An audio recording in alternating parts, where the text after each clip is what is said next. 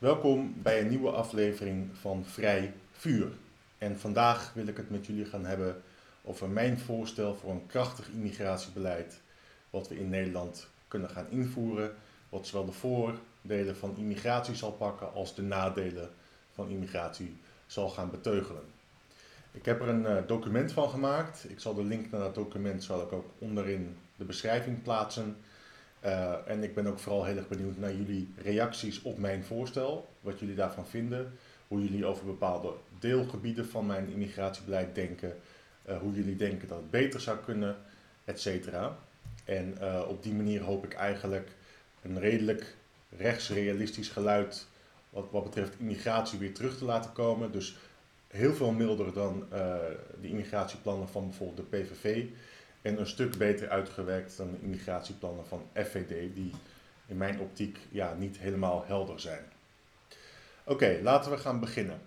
Um, een krachtig immigratiebeleid voor Nederland. Allereerst de aanmelding. Hoe melden immigranten zich aan voor immigratie naar Nederland? Hè? Dus met uiteindelijk als doel natuurlijk om uh, tijdelijk of al dan niet permanent in Nederland te blijven. De eerste uh, regel die geldt is dat je je aan de grens aanmeldt met een verzoek dat je asiel wil aanvragen in Nederland. Dat lijkt mij heel realistisch. Dus wat we moeten gaan doen is we moeten op verschillende plekken aan de grens moeten we grensposten neerzetten. Uh, waarbij uh, immigranten zich aan kunnen melden om uh, inderdaad de asielprocedure in te gaan. Op dit moment geldt natuurlijk dat de Europese Unie die taak op zich heeft genomen, maar we zien dat de Europese Unie eigenlijk helemaal niet goed kan handhaven of misschien niet wil handhaven als het gaat over immigratiebeleid. Dus dat betekent dat we het als Nederland gewoon zelf weer zullen moeten doen. En ja, de, de vraag wat we met de EU moeten en met het immigratiebeleid van de EU, dat is eigenlijk weer een heel uh, onderwerp op zich. Daar sta ik nu even buiten. Ik kijk nu even puur vanuit uh, een soeverein Nederland. Um, zonder uh, kennis of, of betrekking van allerlei verdragen, et cetera, die we hebben gesloten. Hoe zou voor dat soevereine Nederland een goed immigratiebeleid eruit zien? Nou, dus allereerst, je meldt je aan aan de grens voor een verzoek tot asiel.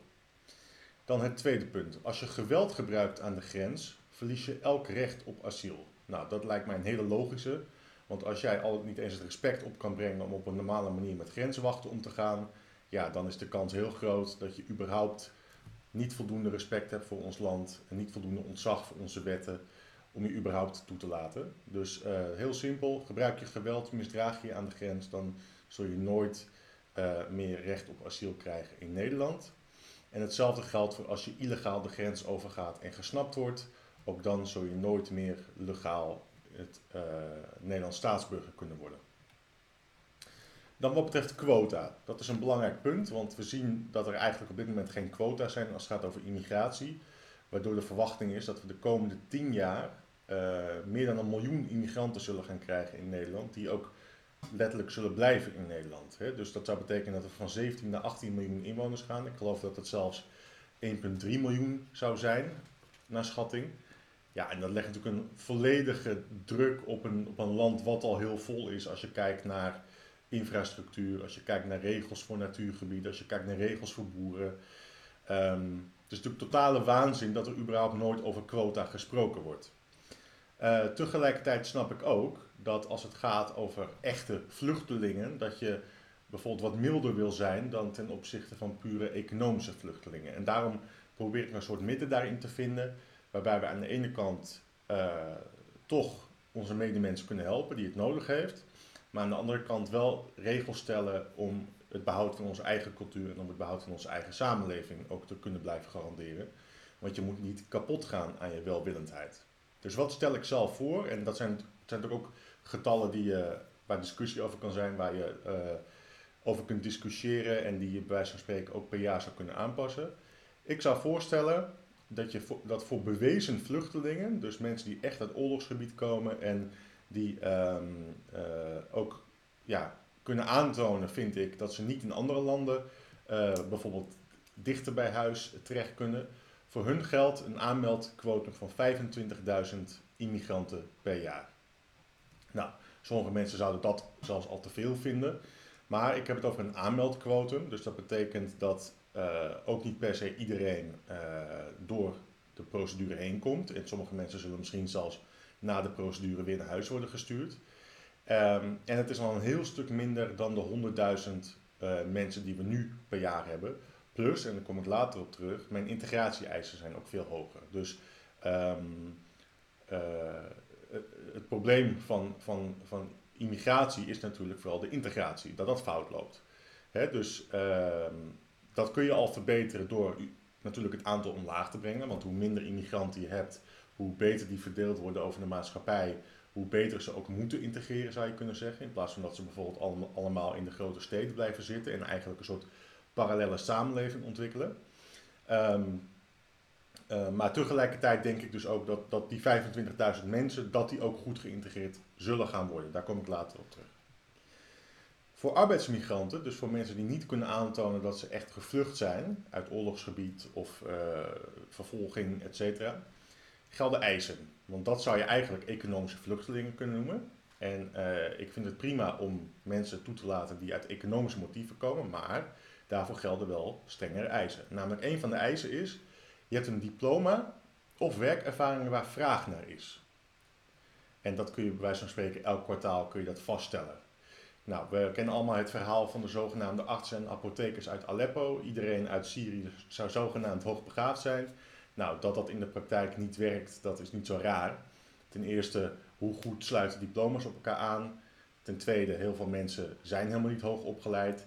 Ten derde, uh, je kunt niet verwachten dat iemand zomaar van de een op de andere dag hier aan het werk gaat en opeens mee kan draaien als de gemiddelde Nederlander. Hè? Al is het alleen maar vanwege de taal die, die diegene niet machtig is of vanwege cultuurverschillen. Dus de allereerste eis is, je hebt een diploma of werkervaring waar vraag naar is. Of je hebt al een arbeidsbetrekking met een werkgever in Nederland. Want dan toon je eigenlijk al aan hè, dat er vraag is naar jouw diensten en dat je feitelijk ook gewoon direct geld kunt gaan verdienen en in je eigen levensonderhoud kunt voorzien. Alle andere economische vluchtelingen wordt asiel geweigerd. Heel simpel, maar ook heel eerlijk, vind ik. Dan een proeftijd. Um, ik geloof niet dat iemand die de Nederlandse samenleving inkomt, dat hij voor 100% Nederlander zal zijn na 10 jaar. Maar ik denk wel dat je in die eerste 10 jaar, want daar hebben we het dus nu over als proeftijd in mijn voorstel. Ik denk dat je in die eerste 10 jaar iemand heel goed kan laten integreren, of in ieder geval heel goed kan laten meedraaien in de Nederlandse samenleving.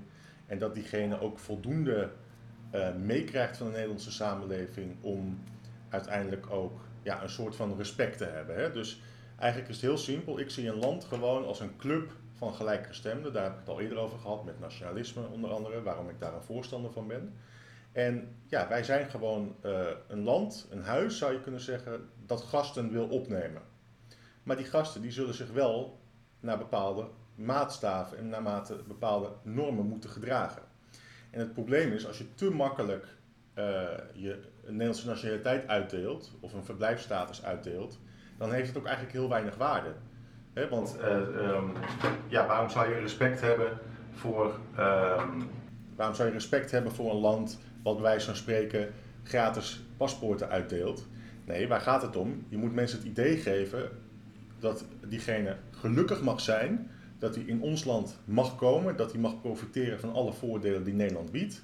Maar dat betekent wel dat je dus de eerste tien jaar op een aantal vrijheden moet inleveren, die Nederlanders wel hebben, om ervoor te zorgen dat je geen misbruik maakt van onze samenleving, maar ook dat je um, ja, gewoon ons ook echt leert kennen en onze tradities leert kennen, et cetera. En niet bij zo'n spreken de eerste dag dat je Nederlander bent gaat lopen protesteren tegen Zwarte Piet, ik noem maar wat. Hè. Dus dat is een totale klap in het gezicht natuurlijk van een land wat jou gastvrij wil ontvangen. Daar kom ik later nog op terug. Dus uh, de eerste tien jaren gelden als een proeftijd voor immigranten. En indien binnen tien jaar na ontvangst van de verblijfsvergunning twee of meer misdaden zijn gepleegd, wordt de verblijfsvergunning ingetrokken. Dus uh, niet three strikes you're out, maar two strikes you're out. Um, ik doe het niet bij één strike, want het kan altijd een keer zijn dat iemand de fout ingaat of dat er bij zo'n spreken een gerechtelijke dwaling is, et cetera. Maar als je binnen tien jaar twee keer een misdrijf hebt gepleegd, nou dan is de kans heel groot dat, je, dat dat terecht is en dat je ook dus hebt laten zien dat je gewoon geen respect hebt voor de wetten van Nederland. en dat je daarmee niet verdient om ook de voordelen van ons land te kunnen ontvangen. Dus een belangrijk concept, die proeftijd. De taal. Heel simpel, je spreekt Nederlands of Engels. Als dat geldt, een van die twee, dan hoef je eh, eh, geen uh, taalkursus te doen of een beperkte taalkursus. Als je geen Nederlands spreekt, maar bijvoorbeeld wel Engels. Dit wordt getest met een redelijk simpele test bij aanmelding. En bij wijze van spreken kan iemand dan een voldoende of een onvoldoende krijgen. Ehm, en als dit niet zo is, dus als je geen Nederlands en geen Engels spreekt, dan ga je op een verplichte cursus, waarbij je na twee jaar een minimumniveau moet behalen voor een verblijfsvergunning. dus heel simpel, integratie begint bij de taal, het liefst Nederlands. Uh, Engels, daar maken we dan echt even een soort aanpassing op. Van oké, als je Engels kunt, dan kun je op zich op heel veel gebieden ook wel meekomen in de Nederlandse maatschappij. Maar uiteindelijk moet je Nederlands kunnen. En moet je een bepaalde, bepaald minimumniveau halen binnen twee jaar. Anders wordt de verblijfsvergunning ingetrokken.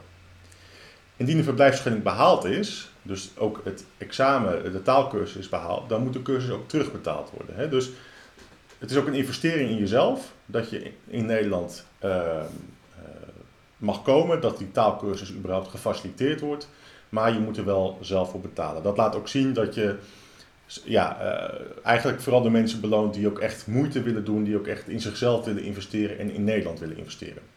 Maar we kunnen dit gemakkelijker maken voor mensen door bijvoorbeeld een lening aan te bieden, zoals ook voor studies geldt. Hè. Dus je zou een lening bij Duo kunnen krijgen voor het betalen van die verblijfsvergunning en dat je die bij spreken in 5 of 10 jaar of 15 jaar afbetaalt. Dus dat is op zich prima. Hè. Dus welwillende mensen die laten zien dat ze de taal willen leren van Nederland, die kunnen op die manier tegemoet komen. Ook als de immigrant Engels spreekt, dient er een minimale hoeveelheid kennis te zijn van het Nederlands. Maar dan zou je kunnen zeggen dat, dat de eis daar misschien iets lager is, omdat je natuurlijk bij wijze van spreken uh, met, met, met, laat ik zeggen, 60% van de Nederlandse taal zou zo iemand waarschijnlijk ook redelijk goed zijn ding kunnen doen in combinatie met het gebruik van Engels. En als iemand dan al eenmaal nou ja, uh, integreert, dan komt dat Nederlands vaak vanzelf wel. Hè? Dus daar zou je een soort van tegemoetkoming kunnen bieden aan mensen die het Engels machtig zijn. Um, ook om het bijvoorbeeld makkelijker te maken voor mensen uit westerse delen van de wereld om naar Nederland te komen. Want daarvan is natuurlijk ook de verwachting dat de in, uh, immigratie en de integratie waarschijnlijk ook wat makkelijker zullen zijn. Dan over naar de Nederlandse waarden. Want integratie betekent ook dat uh, er bepaalde waarden zijn van Nederland. En die zijn heel breed, zo breed mogelijk, maar die moeten wel gehanteerd worden om een soepele immigratie en integratie te waarborgen. En de volgende eisen stel ik dan aan immigranten. 1. Je erkent dat de westerse cultuur de leidende cultuur is in Nederland. En met de westerse cultuur bedoel ik een cultuur van individuele vrijheid, een cultuur van vrijheid van meningsuiting, een cultuur van vrijheid van vergaderen, vrijheid van godsdienst, democratie, etc. Dus eigenlijk de hoofdwaarden van uh, een westerse democratische samenleving met een rechtsstaat.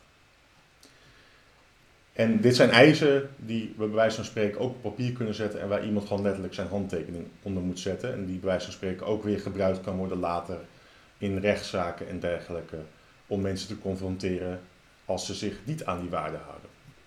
Punt 2. Je erkent dat de Nederlandse wet boven elke andere wet gaat. En daarmee bedoel ik ook elke andere religieuze wet. Want dat is natuurlijk het probleem, vooral in de islam, dat uh, sommige mensen de islam of de sharia boven de Nederlandse wet stellen. Ja, en als je niet een gemeenschappelijke wet hebt, dan heb je ook niet één samenleving. Dan heb je natuurlijk een parallele samenleving. Dat wil ik voorkomen. Dus je erkent dat de Nederlandse wet boven elke andere religieuze wet gaat. En je onderschrijft de vrijheid van meningsuiting, vrijheid van religie en gelijkheid voor de wet. Dus dat zijn weer onderdelen van die westerse cultuur.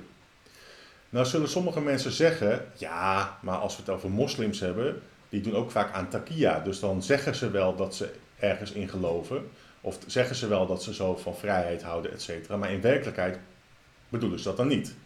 Oké, dat kan, maar dat geldt voor alles of iedereen die zegt dat hij ergens in gelooft of dat hij ergens voor is. Waar het om gaat is dat je op papier iets hebt waar je iemand continu aan kan blijven herinneren en waar je dus ook iemand continu mee confronteren.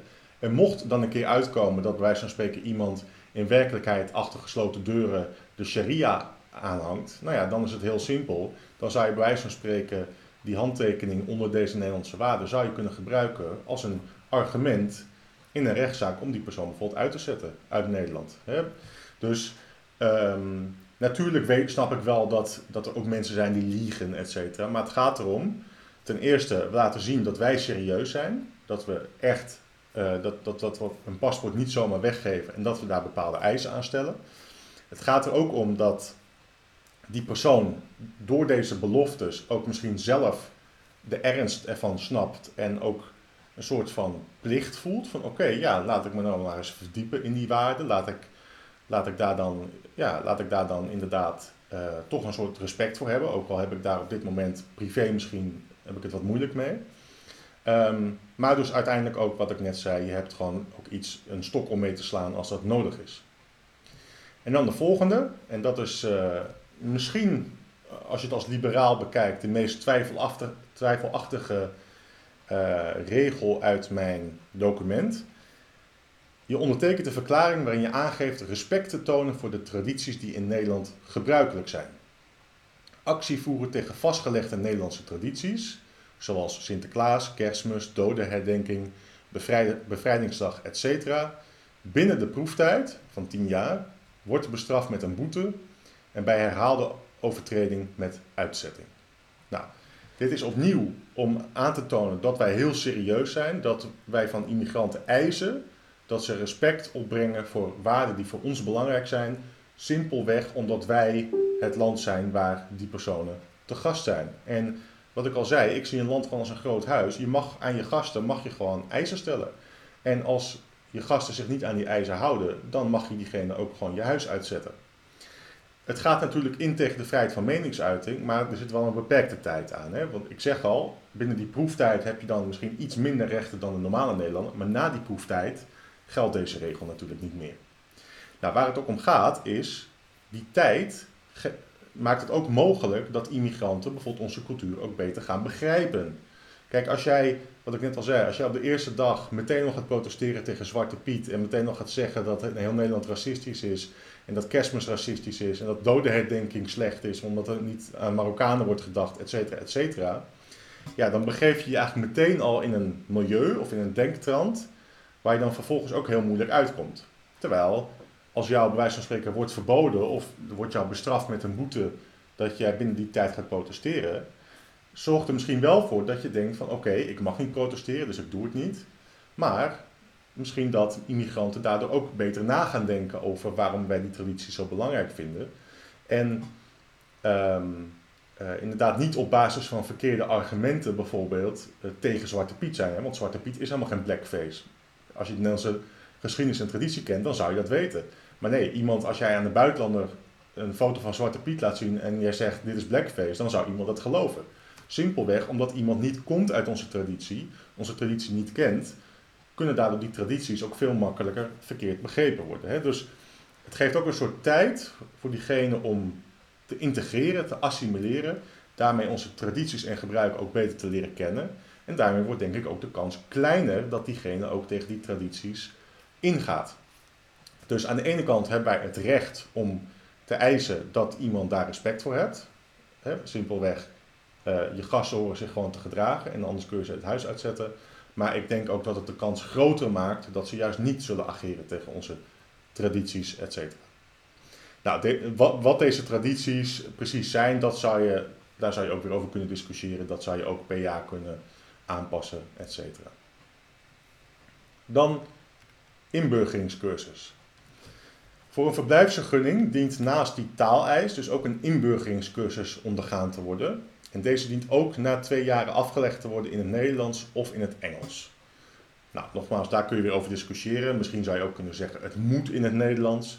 Aan de andere kant, ja, Engels maakt het wel weer iets makkelijker. Zeker ook voor het bedrijfsleven natuurlijk, om mensen aan te trekken. En uh, heel veel Nederlanders vinden het ook geen probleem om in het Engels te spreken. Maar uh, in ieder geval, uh, een van die twee talen moet je machtig zijn. En de inburgeringscursus betreft de kenmerkende cultuur van Nederland. Dit gaat over omgangsvormen, normen en waarden, tradities en ons politieke stelsel. Nou, dit haakt ook weer in op wat ik net al zei. Hè. Als mensen onderwezen worden wat de traditie is van kerstmis, wat de traditie is van Sinterklaas, wat et cetera, dan is de kans ook groter dat iemand het ook beter gaat begrijpen en daardoor ook automatisch meer respect zal krijgen. En zelfs als diegene geen respect heeft, dan snappen ze wel dat het voor ons belangrijk is en dat ze, uh, zeker in die eerste tien jaar, zich daar gewoon niet mee moeten bemoeien. Dus respect hebben voor het land wat jou wil ontvangen en waarvan jij uiteindelijk de voordelen plukt en waarvan je zelf staatsburger kan worden.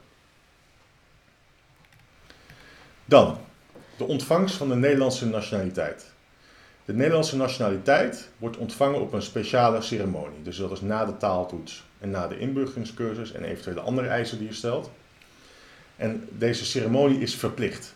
Opnieuw, we laten zien dat we het menen, dat we serieus zijn en we verwachten ook van die persoon dat hij aanwezig is, omdat we ook denken dat het ook een bepaalde blijvende indruk achter kan laten op iemand, waardoor iemand toch het gevoel heeft van hé, hey, ik ben trots dat ik hierbij was, ik ben trots dat ik de Nederlandse nationaliteit krijg, want de Nederlandse nationaliteit is bijzonder, is waardevol. En tijdens deze ceremonie wordt het Nederlandse volkslied gespeeld en ook wordt er een belofte afgelegd aan Nederland. En dat zou bijvoorbeeld die Pledge of Allegiance kunnen zijn, waar ik het in de vorige aflevering over had.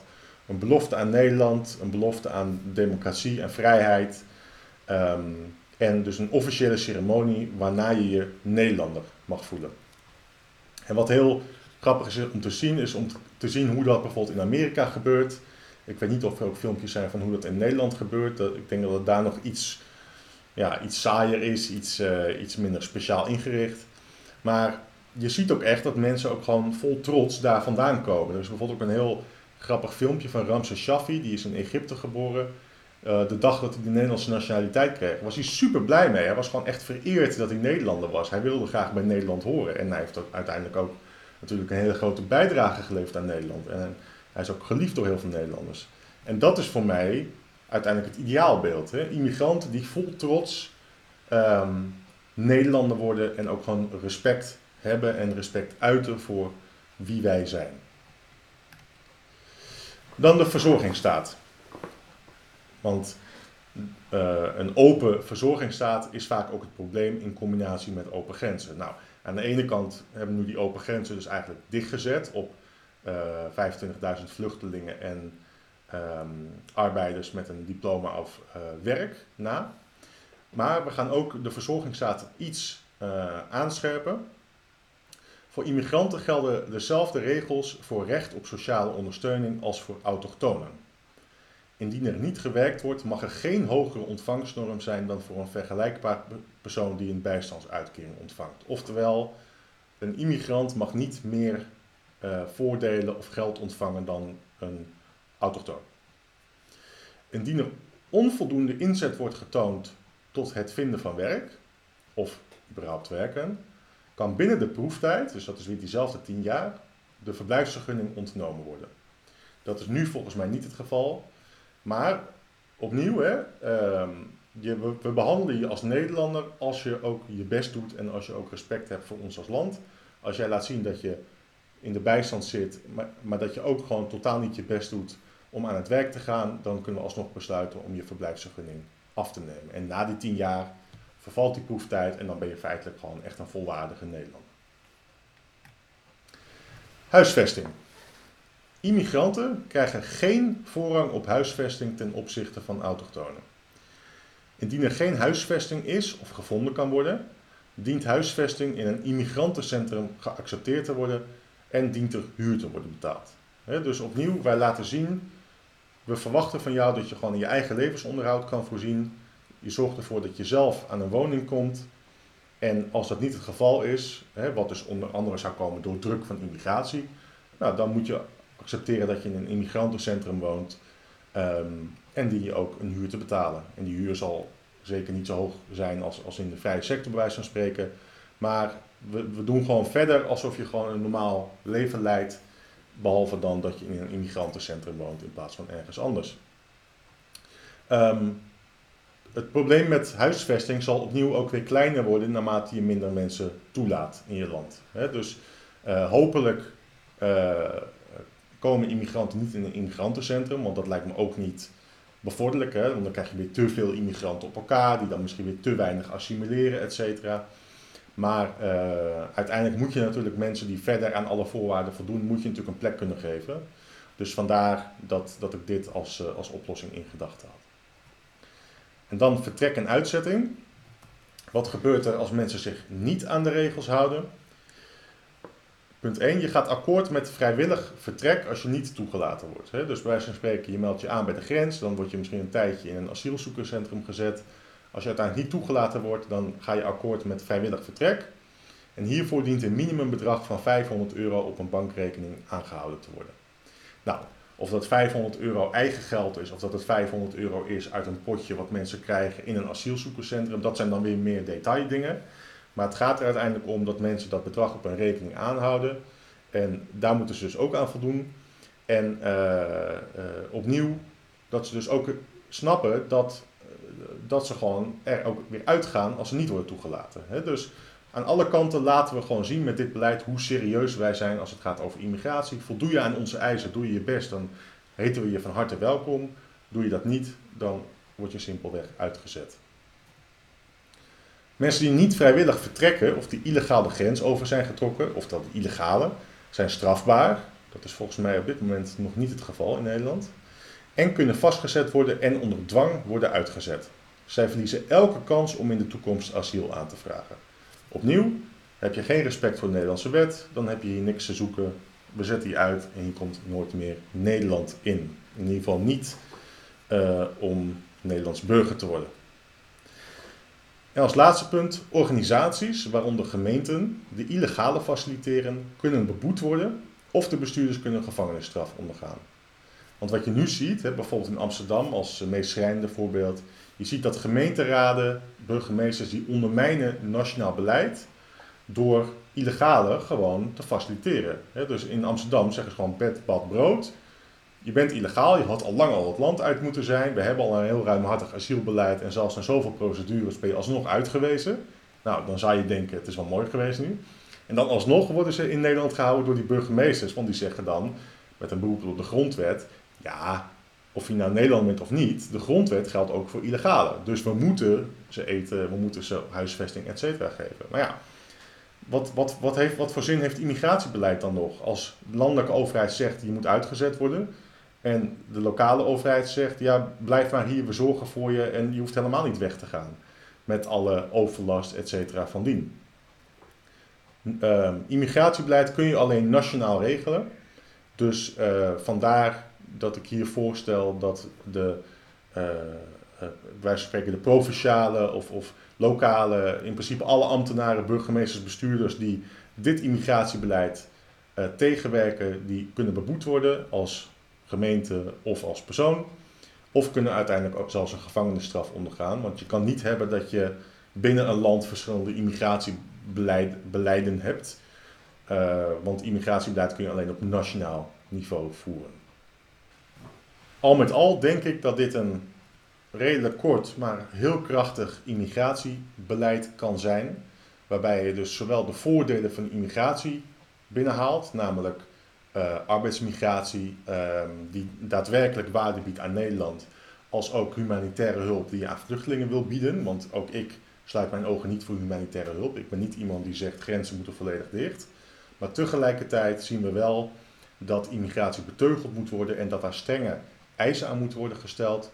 Ten eerste om het aantal immigranten flink te laten dalen, want meer migratie betekent uit de, uh, uiteraard ook meteen een slechtere integratie en ook een overbelasting van het systeem bijvoorbeeld.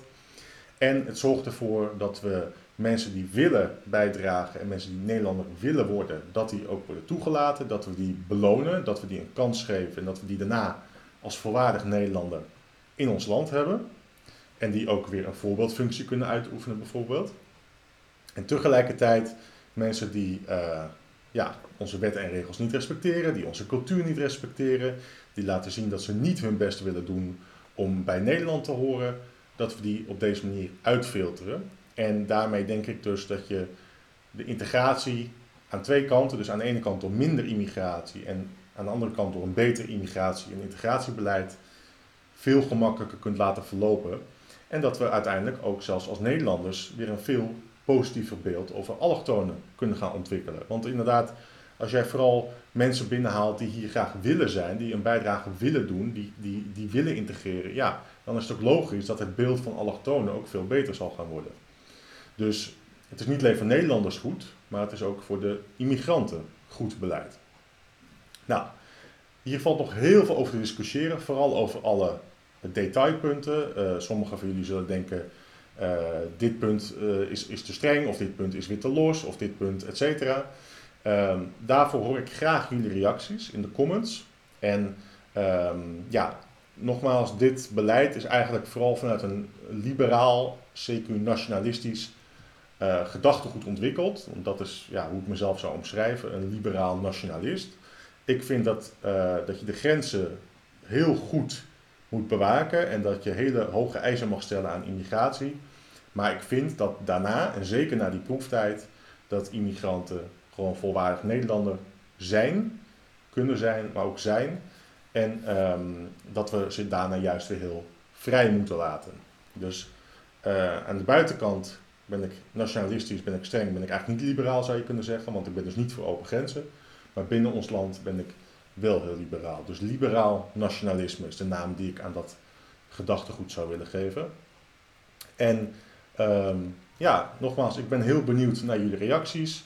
Ik weet nu al dat types op alt-right zullen zeggen: je bent naïef, want uh, alleen blanken of alleen Nederlanders moeten we in Nederland hebben en geen allochtonen. Anderen zullen weer zeggen: je bent veel te streng, want je beperkt de feit van meningsuiting van immigranten. Nou, dat is, allemaal waar. Uh, nogmaals, ik probeer een soort goed midden te vinden wat is goed voor Nederland, wat is goed voor de Nederlanders en wat is goed voor de immigrant en ook uiteindelijk wat is een duurzaam beleid. Ik denk, ik denk dat dit een heel duurzaam beleid is wat als het goed uitgevoerd en gehandhaafd wordt in principe het immigratiebeleid van Nederland kan worden. Nogmaals, uh, geef je reactie, ik ben er heel benieuwd naar. Als je goede punten hebt, zal ik ze zelf ook weer meenemen in mijn eigen ideeënvorming. Um, ik zal uh, nogmaals, het document zal ik linken in de omschrijving. En als je dat nog niet hebt gedaan, geef een like op deze video of een dislike als je het er niet mee eens bent, uiteraard. Uh, abonneer je op mijn kanaal als je meer video's van me wil zien. En tot de volgende aflevering.